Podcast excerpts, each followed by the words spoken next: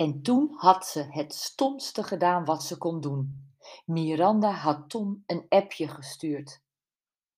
Je bent nog altijd dezelfde. Miranda stond zuchtend op uit haar terrasstoel. Ze had Tom nog één keer willen zien, nog één keer willen voelen. Het was spelen met vuur wat ze deed, maar haar verlangen was groter dan haar weerstand. En daarna was alles fout gelopen. David was de volgende ochtend gearriveerd en had direct van zijn ouders gehoord dat Tom en zijn vrouw op de camping waren. En hij was meteen chagrijnig geworden.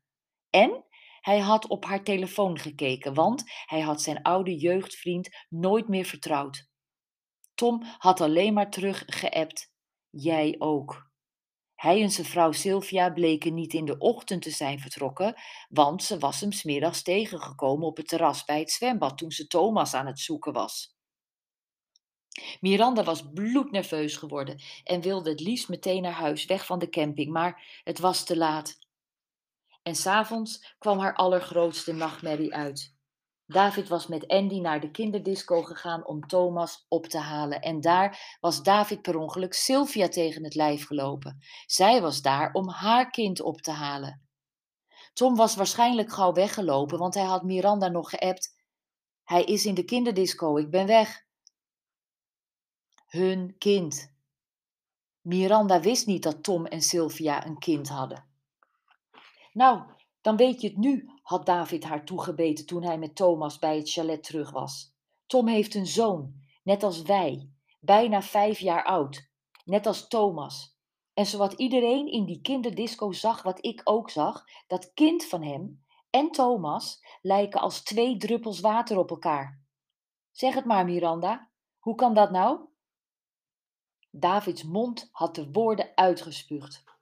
Maar wat ze vreselijk had gevonden waren zijn inverdrietige ogen. Ja, ze had Tom inderdaad nog één keer gezien. Vanochtend, toen hij met een laken over zich heen, waar zijn hippe donkerblauwe espadrilles onderuit staken, de ambulance was ingedragen. Zou Brenda als coach een geheimhoudingsplicht hebben? Kon ze bij haar alles kwijt? Ze had zo'n behoefte om alles op te biechten en de enige die veilig leek om dat te doen was deze lifestyle coach. Haar appje aan Tom was het ultieme verraad aan David geweest. Dat ze op Toms avances was ingegaan voordat ze met David getrouwd was, dat was nog tot daaraan toe. Dat hun verhouding door was gegaan na haar huwelijksdag, was een slecht idee. Maar Tom was zo het type onweerstaanbare foute man dat ze de kracht niet had gehad om een punt achter hun clandestine relatie te zetten. En toen was ze in verwachting geraakt. David was de gelukkigste man van de wereld geweest. Voor Tom was de affaire meteen voorbij. Ik brand mijn vingers niet aan zwangere vrouwen, had hij bot gezegd tijdens hun laatste telefoongesprek. Bovendien gaan Sylvia en ik verhuizen naar Limburg. Het was fijn zolang het duurde, Miranda. Ik wens je veel geluk. En dat was dat geweest. Stanley.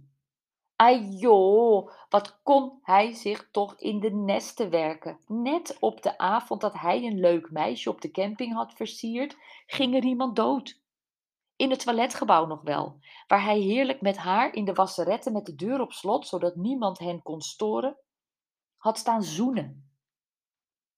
Het was een komen en gaan geweest van mensen, dat wel, die plassen, poepen of wat dan ook moesten. Dat had hij gehoord en door het bovenraampje in de buitenmuur gezien.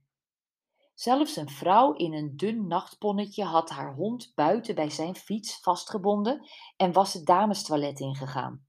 Hadden deze mensen allemaal geen eigen wc in hun chalet? Stanley had gehoopt dat de zoenpartij verder zou gaan. Maar toen voor de zoveelste keer een deur dichtsloeg en er voetstappen klonken, was zijn meisje er klaar mee. Neem me maar een keertje mee uit, had ze zachtjes gezegd, terwijl ze haar wijsvinger kuste en de vinger op zijn lippen drukte. Als een dief in de nacht was ze naar haar tentje verdwenen. Hij was beduusd naar de herenwc gelopen, was gaan zitten en had zich met zijn hoofd in zijn handen teleurgesteld afgevraagd wat er fout was gegaan. Hij kwam er niet uit. Nadat hij nog een tijdje had gewacht in de hoop dat ze terug zou komen, had hij haar een berichtje gestuurd. Sorry, ik maak het morgen goed met je. In het herengedeelte was het ondertussen heftig tekeer gegaan. Het leek alsof iemand stond over te geven of te gorgelen. Of stond iemand nou echt midden in de nacht onder de douche, had hij zich afgevraagd. Of was er iemand die meer mazzel had dan hij?